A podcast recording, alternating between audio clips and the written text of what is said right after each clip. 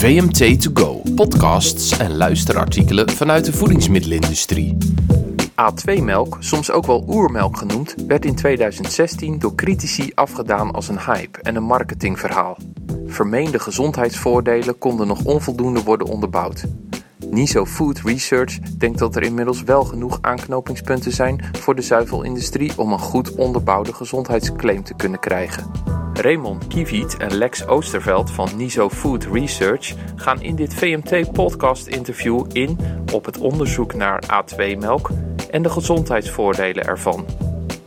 Melk met het uh, A2 beta-caseïne-eiwit. Uh, dat zou minder of geen maag-darmproblemen veroorzaken bij mensen die daar gevoelig voor zijn, hè, voor gewone zuivel.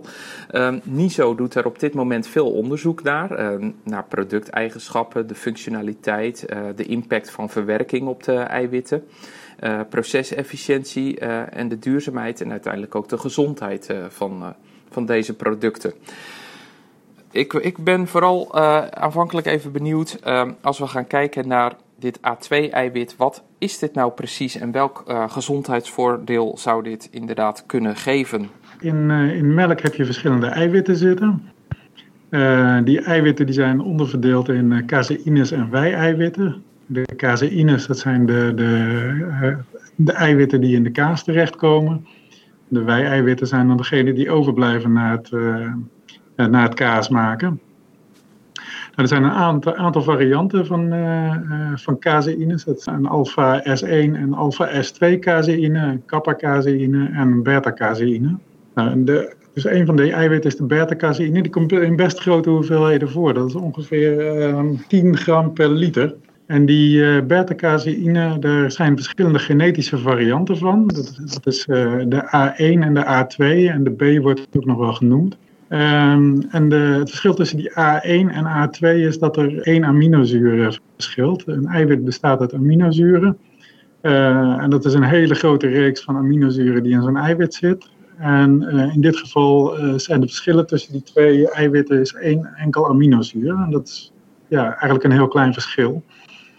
En het is zo, zo dat het een genetische variant is. dus een koe maakt of ehm, uh, of A1-eiwit uh, of A2-eiwit of 50-50. Uh, en als je kijkt naar de koeien in Nederland, dan is er twee derde bestaat uit A1 en een derde uit A2. Dus als je een gemiddeld pak melk in de, in de supermarkt koopt, dan zal die voor twee derde beta-caseïne A1 bevatten en een derde beta-caseïne A2. Ja, dat A2 en A1 heeft dus zeg maar een klein verschil maar toch uh, met een groot gezondheidseffect mogelijk. Nou, daar zijn wel uh, twijfels over, over hoe groot dat gezondheidseffect is. Uh, maar de, de, gedachte daarachter is dat op het moment dat zo'n beta-caseïne geconsumeerd wordt en afgebroken wordt in het menselijk lichaam, dat er een bepaald peptide gevormd kan worden. En dit peptide, dat noemen ze beta-casomorfine nummer 7. En ja, de gedachte is, is dat die uh, tot een aantal negatieve effecten zou kunnen leiden in mensen. En die, uh, die wordt wel gevormd uit, uh, uit A1 en uit B, maar niet uit de A2 beta-caseïne. Ja, ik heb begrepen dat dat bijvoorbeeld een minder opgeblazen gevoel zou kunnen geven bij de consumptie. Ja, dat is, uh, dat is een van de, van de zaken die genoemd wordt. En er zijn, zijn wel meer dingen die, uh, die in de literatuur genoemd worden. Uh, bijvoorbeeld een, een, relatie met uh, autisme wordt, uh, wordt genoemd, een, een, een correlatie met, met diabetes en met hart- en vaatziekten. maar nou is het wel zo dat in 2009 heeft de EFSA er een, een heel uitgebreid literatuuronderzoek gedaan naar de wetenschappelijke kennis die er op dat moment was. Uit die wetenschappelijke kennis die er op dat moment lag, kwam niet naar voren dat er daadwerkelijk een gezondheidseffect was het gezondheidseffect ja, is in ieder geval nog onvoldoende bewezen op dit moment. Maar in ieder geval uh, is de verwachting toch dat er wel een effect gevonden zou kunnen worden. Want anders zou je inderdaad uh, dit eiwit niet verder hoeven onderzoeken, lijkt me, in, uh, in zuivelproducten. Nou, misschien daarop inhaken. Wat we zien is dat er inmiddels een aanbod is dat heel duidelijk gemaakt kan worden van welke rassen wat, is, wat brengt die A2-melk. Dat aan de andere kant zien we ook steeds meer vraag Wat we nu zien is dat ja, om bijvoorbeeld echt meer bewijsvoering te gaan voeren, denk aan inderdaad richting EFSA, dat is iets wat, uh, wat ja, wie neemt die eerste stap? Dus wij ja, zien eigenlijk van als één iemand daarin investeert, je kan niet een monopolie op zo'n claim hebben. Dus dan zullen alle anderen daar ook voordeel van gaan hebben. Dus we zien nu een beetje een spanningsveld soms ontstaan. Uh, wat we in meerdere terreinen zien van gaat ja, een partij daar apart verder in investeren? Of is het iets wat je als bedrijven met elkaar kan doen in een, uh, zoals we dat noemen, een pre-competitief uh, programma. waar we als niet zo heel veel ervaring bij hebben. Um, om, om daar een actieve bijdrage in te doen door die gezondheidsimpacten met, een, ja, met alle partijen samen een plan af te spreken hoe we die meer inzichten willen gaan krijgen. Duidelijk. Nou, laten we het daar nog straks even verder over hebben. Uh, dan gaan we inderdaad even terug naar het, uh, het eiwit zelf. Lex Oosterveld, u heeft een um, methode ontwikkeld waarmee dus de aanwezigheid van dat A2-eiwit uh, gemeten kan worden. Ja, dat klopt. Zoals ik net al aangaf, is het, het verschil is, vrij klein tussen beta-caseïne en A1 en A2. Dat is één aminozuur die in zo'n hele lange keten zit. Dus en, dat maakt het vrij lastig om, om om een analyse op te zetten waarin je het verschil tussen die twee kunt maken. Nou, wij doen dat met behulp van HPLC eh, en uh, massaspectrometrie. Dus uh, de HPLC gebruiken we om verschillende eiwitten van elkaar te scheiden. En dan met massaspectrometrie kunnen we heel nauwkeurig de massa van het eiwit bepalen. En dat is nauwkeurig genoeg om het, zeg maar dat kleine verschil nauwkeurig te kunnen bepalen. En dan kan u dus zien uh, hoeveel er van elk eiwit in zit. Klopt. Ja, of zou je er eigenlijk zelfs naartoe moeten um, dat je een hele aparte keten voor A2-eiwitten gaat beginnen. Dus dat je zegt van nou, ik heb die koeien, maar ik heb vervolgens ook aparte melkwagens, uh, aparte processing units. Dat je eigenlijk iedere vorm van kruiscontaminatie voorkomt. Of hoef je zover niet te gaan? Ik denk dat voor, voor veel bedrijven A2 nog niet de hoofdmoot van de, van de totale melk is. Dus dat het economisch nog niet uit kan om alleen eh, te focussen op A2-melk. En in dat geval, um, uh, het is altijd het meest wenselijk om, uh, om echt aparte ketens te hebben. maar op het moment dat dat economisch niet haalbaar is, dan kun je ook heel goed uh, zeg maar een gemengde keten hebben, waarbij je dan uh, de juiste controles doet op de juiste momenten. Raymond Kieviet, uh, dan over de producten die je hiervan van zou kunnen maken van die A2-melk. Welke, welke mogelijkheden opent dit? In theorie kan je alle producten die je nu vanuit normale melk kan maken, kan je hiermee maken. Nou, we zien dat ook, dat initieel werd gestart met, met melk. We kennen denk ik allemaal wel de specifieke A2-melk in de, in de supermarkten. Nou, kaas hebben we, hebben we net al even benoemd, zagen we ook langs, uh, langskomen. Um, en we zien nu meer en meer uh, de, de vragen opkomen voor hoogwaardigere uh, producten met, met zuivelingrediënten. Um, nou, en dan een aantal voorbeelden en productlaunches recentelijk in, in infant formula. De, de, de poederblikken die zich richten op, nou, op de jongsten in onze samenleving. Uh, en dat gaat van, uh, van 0 tot, uh, tot, tot 36 maanden. Waar bedrijven dedicated hoogwaardige producten leveren die ja, een, een, een alternatief kunnen zijn voor, voor moedermelk. En daar is A2 ook opgepikt als een mogelijk ingrediënt dat de gezondheid kan, kan bevorderen. En vandaar dat, het, dat we daar ook dat soort ja, productlaunches in zien. Welke studies zijn er allemaal nog nodig om überhaupt met voldoende bewijslast te komen naar bijvoorbeeld een EFSA om, om, om wel straks claims te kunnen doen op A2-producten? Wat, wat uh, de kracht is om goed inzicht te krijgen van waar willen we, uitkomen. Wij, NISO is een onafhankelijke uh, onderzoeksinstituut die heel in, intensief samenwerkt met de industrie. Dus heel goed samen met de industrie kijken waar willen we uitkomen. Uh, in de zin van welk, welk ziektebeeld of welk fenomeen willen we adresseren vervolgens op een onafhankelijke manier uh, daarnaar kijken door uh, de modellen die, uh, die wij hebben en de expertise die we hebben.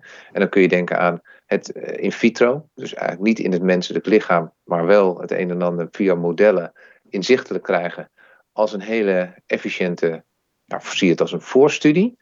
En dan zou je vervolgens een opzet kunnen maken voor klinisch onderzoek volgens de juiste standaarden om op die manier ja, daadwerkelijk dan in, of in mensen of in een andere targetgroep, ja, de inzichten gewoon echt in de mensen ook meer inzichtelijk te gaan krijgen. Ja, zijn er al geïnteresseerde partijen om dit gezamenlijk aan te pakken? Er zijn zeker geïnteresseerde partijen. En nu is het de vraag van... Uh, ben er geïnteresseerde partijen op dit moment... Die, doen, die zeggen of wij willen dit helemaal zelf in huis proberen te doen... of uh, zeggen wij doen het, we zijn wel geïnteresseerd... maar we vinden de investering en niet een duidelijke bevestiging van... als we dit allemaal investeren, dan is dit het resultaat. Het is natuurlijk nog onduidelijk. is voor hun vaak nog een barrière om hierin te stappen. Dus um, ja, de tijd zal leren of, hoe, hoe we dit op kunnen gaan zetten. Of het een één op één is of via een gezamenlijke aanpak. Um, hoe lang zou zo'n traject kunnen gaan duren? Afhankelijk van de insteek en vanuit welke, hoe, hoe je het gaat doen. Welke populatie kies je, een bepaald ziektebeeld. Maar dan vaak een traject van meerdere jaren. Uh, en het is ook een iteratief proces dat je ook weer voortschrijdend inzicht hebt. En dan kijkt in hoeverre, wanneer is een case dermate sterk om hem in te dienen. En in de tussentijd gaat die zo, neem ik aan, verder met het onderzoek en ook de, de analyses in de verschillende processtappen, neem ik zo aan. Lex Oosterveld, kunt u daar nog iets over zeggen van wat er nog te doen is op dat vlak? Kijk, op zich uh, valt de analyse altijd nog, uh, nog wat te verbeteren. we zien bijvoorbeeld als wij ehm, kijken naar echt gecombineerde producten, zoals die uiteindelijke infantformula, waar maar een klein beetje van het beta-caseïne in zit, dat het dan weer lastiger is om dat te bepalen. Dus aan die kant zijn er nog stappen mogelijk. En daarnaast kunnen we verder kijken naar wat, wat gebeurt er precies tijdens processing en hoe kun je dat, hoe kun je dat goed eh, controleren en hoe kun je in de keten ervoor zorgen dat je eh, A2-melk optimaal gescheiden houdt. Bij, bij, welke processtap zou u zelf toch een uh, prangende vraag hebben? Wat, wat, wat daar gebeurt? Oh, ik zou uh, inderdaad wel benieuwd zijn wat er precies de effecten zijn uh, van, van sproeidrogen. En dan met name wat op het moment dat je overschakelt van een normale melk naar een A2-melk bijvoorbeeld. en wat is de veronderstelling? Dat je daar wel vermenging zou kunnen krijgen. Je moet dan zorgen dat je je proces goed op orde hebt om te zorgen dat je hetgene wat je als A2-melk verkoopt, dat dat ook inderdaad A2-melk is. Is, is A2-melk nou ook een oplossing voor mensen met lactose-intolerantie of niet? Nee, dat niet. zowel in A2-melk als in reguliere melk is het lactosegehalte is even, even hoog het gaat echt specifiek om, uh, om uh, zeg maar andere fenomenen, zoals uh, bijvoorbeeld het minder comfortabel voelen nadat je de reguliere melk gedronken hebt.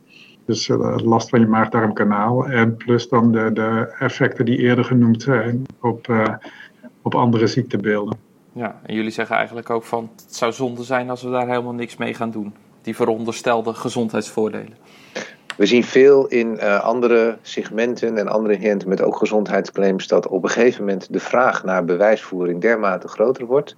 Een EFSA of niet een EFSA-claim, dat, dat, uh, dat is uh, even ja, verschilt per situatie. maar dat consumenten van vandaag ja, die, die, die informatie willen hebben en dat het heel voordelig kan zijn en heel ook, ook, ook, ook sterk qua een stuk vertrouwen vanuit bedrijven als ze die feiten kunnen delen met hun achterban.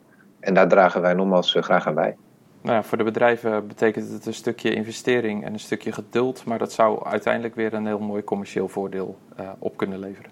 Ja, en, en uh, naast het commerciële ook heel veel uh, vertrouwen in, in de levensmiddelenproducten. Wat ook niet te onderschatten is. Dus op een gegeven moment is het gezondheid is mooi. Maar is het ook echt zo? Is het aangetoond? En dat bouwt dan aan vertrouwen van ja, de levensmiddelenindustrie in de algemeenheid.